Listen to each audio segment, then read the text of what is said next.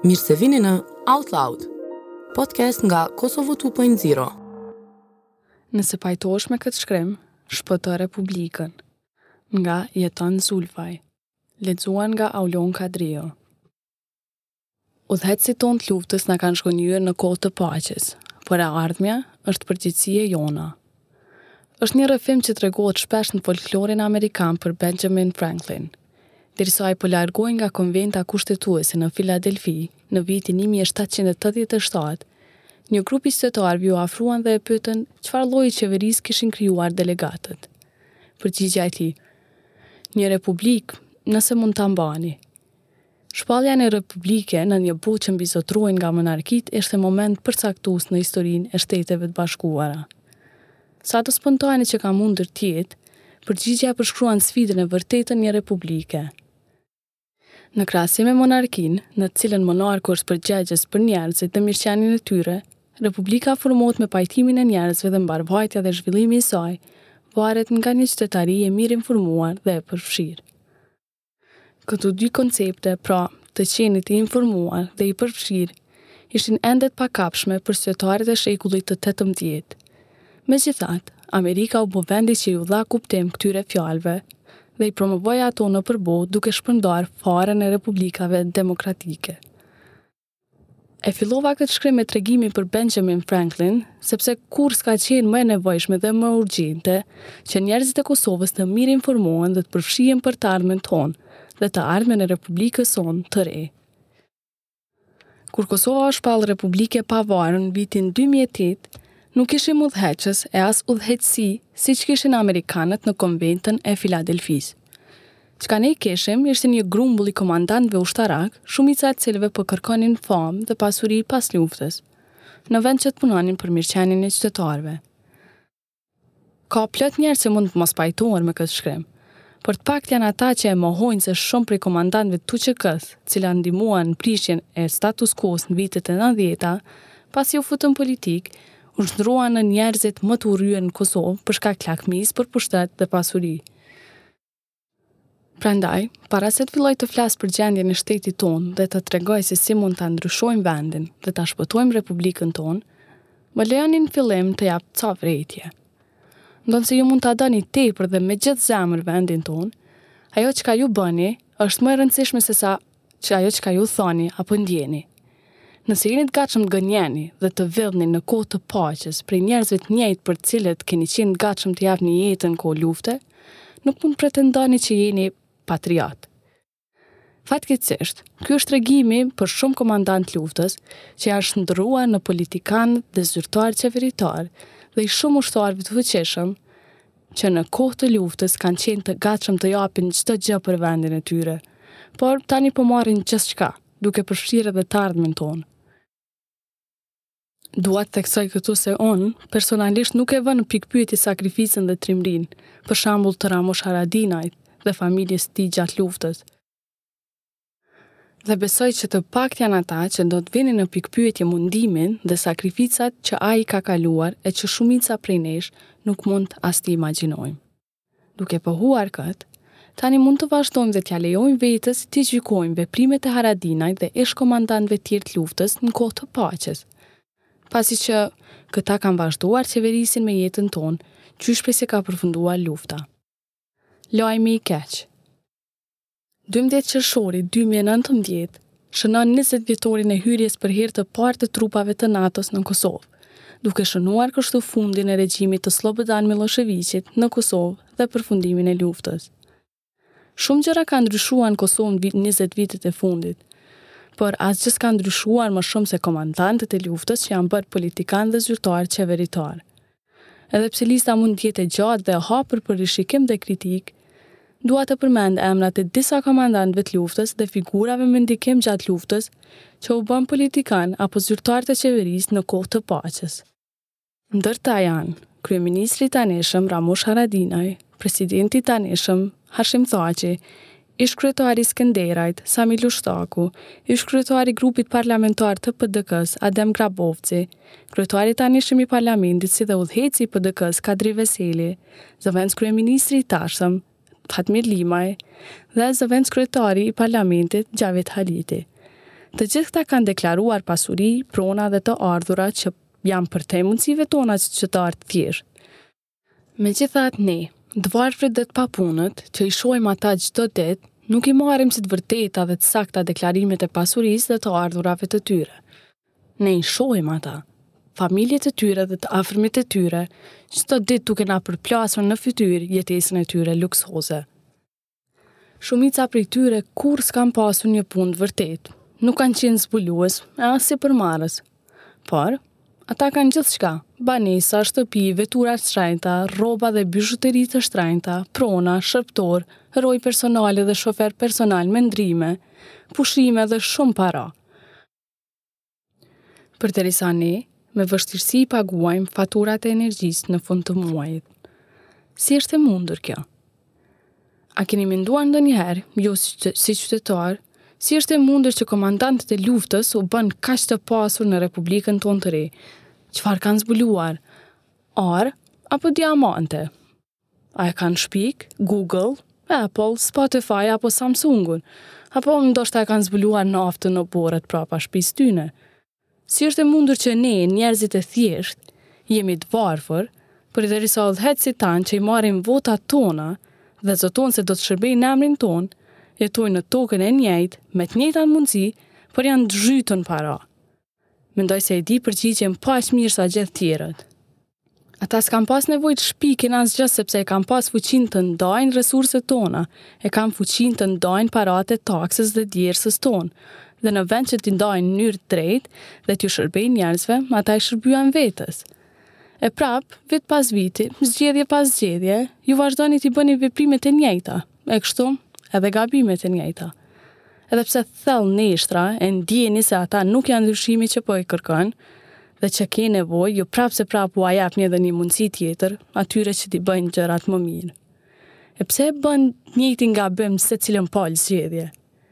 Jeni të varfër dhe të papunë, Për çdo zgjedhje pyetesh se a dëshiron të ndryshosh diçka dhe ti çdo herë thua jo. Vazhdon të votosh për të njëjtët udhëheqës që të kanë zhgënjyer kaq shumë herë, apo ndoshta ke heqë dorë nga votimi. Por lejomë të të tregoj se kush je. Në fund dua që ta pyesësh veten a je i gatshëm për ndryshim.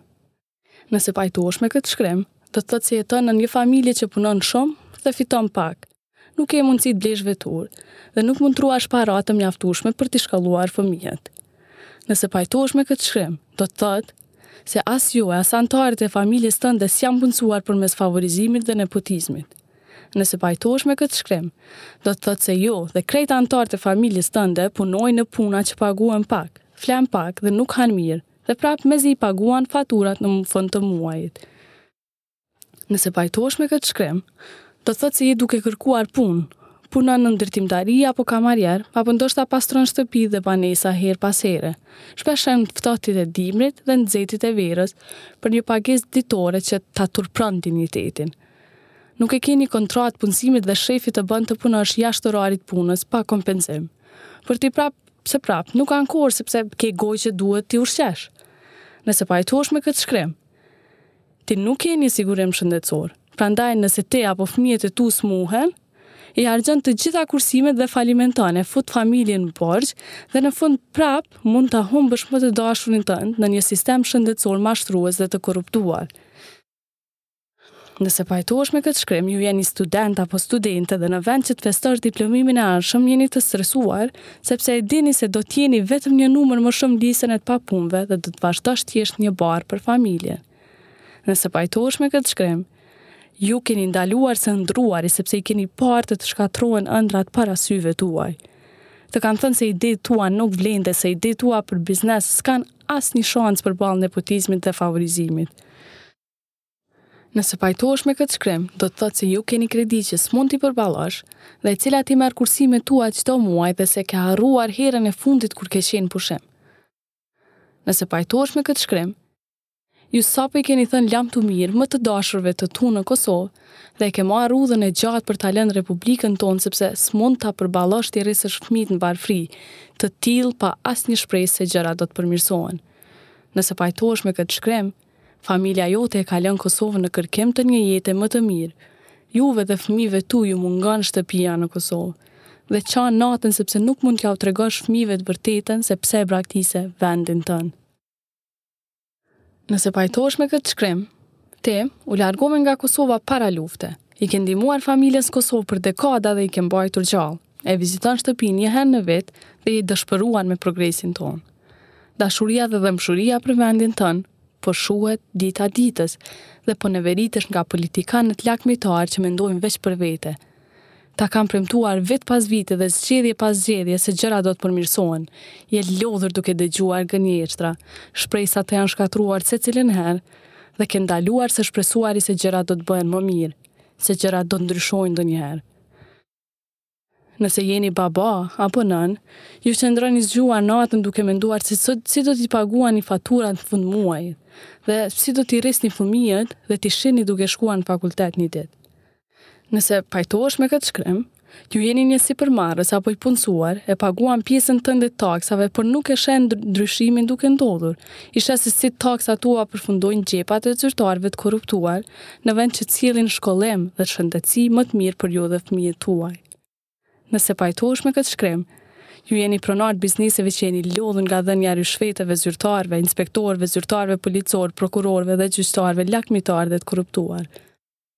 Nëse pajtohesh me këtë shkrim, ju jeni një biznesmen apo biznesmene të ndershëm që punoni palodhshëm dhe paguani pjesën e taksave, por jeni lodhur duke i parë konkurrentët që po përparojnë biznesin e tyre, Jo sepse kanë ide më të mira apo prodhojnë punë më kualitative, por sepse u japin ryshfet zyrtarëve të qeverisë. Nëse pajtohesh me këtë shkrim, ju jeni një fermer që punon pa ndalë çdo ditë, por ende nuk fitoni mjaftueshëm për t'i shkolluar fëmijët dhe për të paguar faturat çdo muaj. Ju keni parë dhe keni përjetuar mjaft, dhe tashmë keni hequr dorë nga shpresa se gjërat do të bëhen mirë ndonjëherë. Lajmi i mirë. Kjo është gjendja në shtetin tonë. Është një kohë në të cilën ata që kanë shumë para dhe ndikim kontrollojnë çdo gjë dhe kanë vjedhur ëndrrat dhe të ardhmen e vendit që ju e doni dhe s'të kanë lënë zgjidhje tjetër veçse të paketosh çantat dhe të ikësh. Por, ka një lajm të mirë. Nëse pajtohesh me këtë shkrim, do të thotë se nuk je i vetëm, do të thotë se nuk je pakicë dhe se nuk je aq i pafuqishëm dhe i pazëshëm siç të kanë thënë. Ti je pjesë e shumicës në Kosovë. Ju jeni shumica. Prandaj, nëse je në Kosovë apo tashmë ke ikur, nëse ke votuar apo ke ndaluar së votuari, nëse jeni i ri apo e re, i vjetër apo e vjetër, apo i ri e re në zemër, ju ftoj t'i bashkoheni qëllimit për ndryshim. Ne duhet të bëhemi bashkë dhe të mblidhemi e jo vetëm të hedhim votën tonë, sepse në demokraci të jesh shumica do të thotë të kesh fuqinë t'i ndryshosh gjërat. Të jesh pjesë e shumicës do të thotë të jesh pjesë e zgjidhjes. Le t'i ndryshojmë gjërat. Le të jemi gjenerata që do ta shpëtojë Republikën tonë dhe do të rikthejë dinjitetin dhe drejtësinë dhe që jep çdokujt një mundësi të barabartë për mirëqenie. Ndryshimi nuk do të vijë përderisa nuk bëhemi bashkë dhe të gjithë ju që e gjeni veten në këtë shkrim, duhet të bëheni bashkë dhe të bëheni pjesë e ndryshimit. S'ka tjetër kohë. Nuk mund të presim edhe një vit tjetër dhe nuk kemi kohë të presim për një tjetër udhëheqës apo një tjetër mendësi. Tani është koha dhe ne jemi ndryshimi që kemi pritur. Nëse qëndrojmë të ndarë, nuk mund të fitojmë dhe nuk mund të fitojmë nëse vazhdojmë të jemi cinik dhe indiferent ndaj mendësisë për ndryshim. Partitë dhe politikanët e korruptuar do të shpenzojnë miliona euro në fushatë elektorale që financohen nga paratë tuaja që i kanë vjedhë nga ju përmes korrupsionit, që t'ju bëjnë të besoni se ata përfaqësojnë ndryshimin. Mirëpo, ju tashmë i dini taktikat e tyre, gënjeshtrat dhe premtimet boshe të tyre. I keni ndjerë duke përjetuar në kocka gënjeshtrat e tyre dhe nuk të shkoni prapa. Jo, do të shkoni përpara. Prandaj le ta pyesim veten, nëse vazhdojmë votojmë për partitë e njëjta politike dhe udhëheqësit e njëjtë politik që i kemi votuar deri tash, çfarë e ardhme na pret? Nëse vazhdojmë votojmë për komandantët e njëjtë që bëhen më të pasur vit pas viti, çfarë e ardhme i pret fëmijët tanë? Nëse pajtoheni me këtë shkrim, Po ju kërkoj të ndaleni për një moment dhe ta pyesni veten. Çfarë lloj udhëheqësi mund ta rikthejë ndershmërinë, barazinë dhe drejtësinë? Çfarë lloj udhëheqësi nuk është i korruptuar dhe nuk po mbahet peng nga lobistët dhe grupet e interesit? Cili udhëheqës jeton ashtu siç predikon? Nëse jeni të sinqertë me veten, tashmë e dini përgjigjen e pyetjes sime. E dini se sa herë që po ia japni një mundësi një udhëheqësi të korruptuar, ju po ia japni atij mundësinë të bëhet më i pasur. Prandaj pse ne, shumica, nuk po votojmë për ndryshimin që duam, kur tashmë e dimë kush do ta sjellë këtë ndryshim? Le ta ndalojmë së fajësuarit të tjerët për dështimin tonë që të bëhemi bashkë. Ka ardhë koha të ndalojmë së pretenduarit se dikush do të na i zgjidhë problemet tona. Ka ardhë koha të ndalojmë së gjeturi justifikimi për sjelljet tona në të kaluarën dhe të përqendrohemi në të ardhmen. Ka ardhë koha ta ndryshojmë kapitullin në Republikën tonë dhe të votojmë për një udhëheqës të pakorruptuar. Pyeteni veten, kush mund t'ua zgjidhë problemet tuaja siç janë varfria, korrupsioni, krimi i organizuar, papunësia, kujdesi shëndetësor dhe shkollimi më i mirë. Prapë, ju e dini përgjigjen. E dini përgjigjen sepse e dini se këta që janë të korruptuar, këta që kujdesen vetëm për vete, nuk do të kujdesen kurrë për ju. Ata ju kanë vjedhë të ardhmen, dhe të ardhmen e fëmijëve tuaj dhe ka ardhë koha të ndalemi së pretenduari që kjo është problem i dikujt tjetër. Prandaj, t'ua njohim rreziqet e marra dhe sakrificat e bëra atyre që kanë mbrojtur vendin tonë në kohë të luftës, por gjithashtu le të tregojmë historinë e tyre në kohë të paqes. Le të bëhemi gjenerata që e ka shpëtuar Republikën dhe e ka rikthy drejtësinë dhe barazinë këtë vend. Koha po ecë. Ky shkrim është shkruar nga Jeton Zulfa, i cili ka përfunduar studimet në nivelin master në drejtimin studime evropiane në Universitetin Lund në Suedi. Për t'i dëgjuar të gjitha podcastet tona, ndiqni kanalet e Kosovo 2.0 në Apple Podcast, Google Podcast apo në aplikacionin tuaj të preferuar për podcaste. Gjeni më shumë në kosovo2.0.com.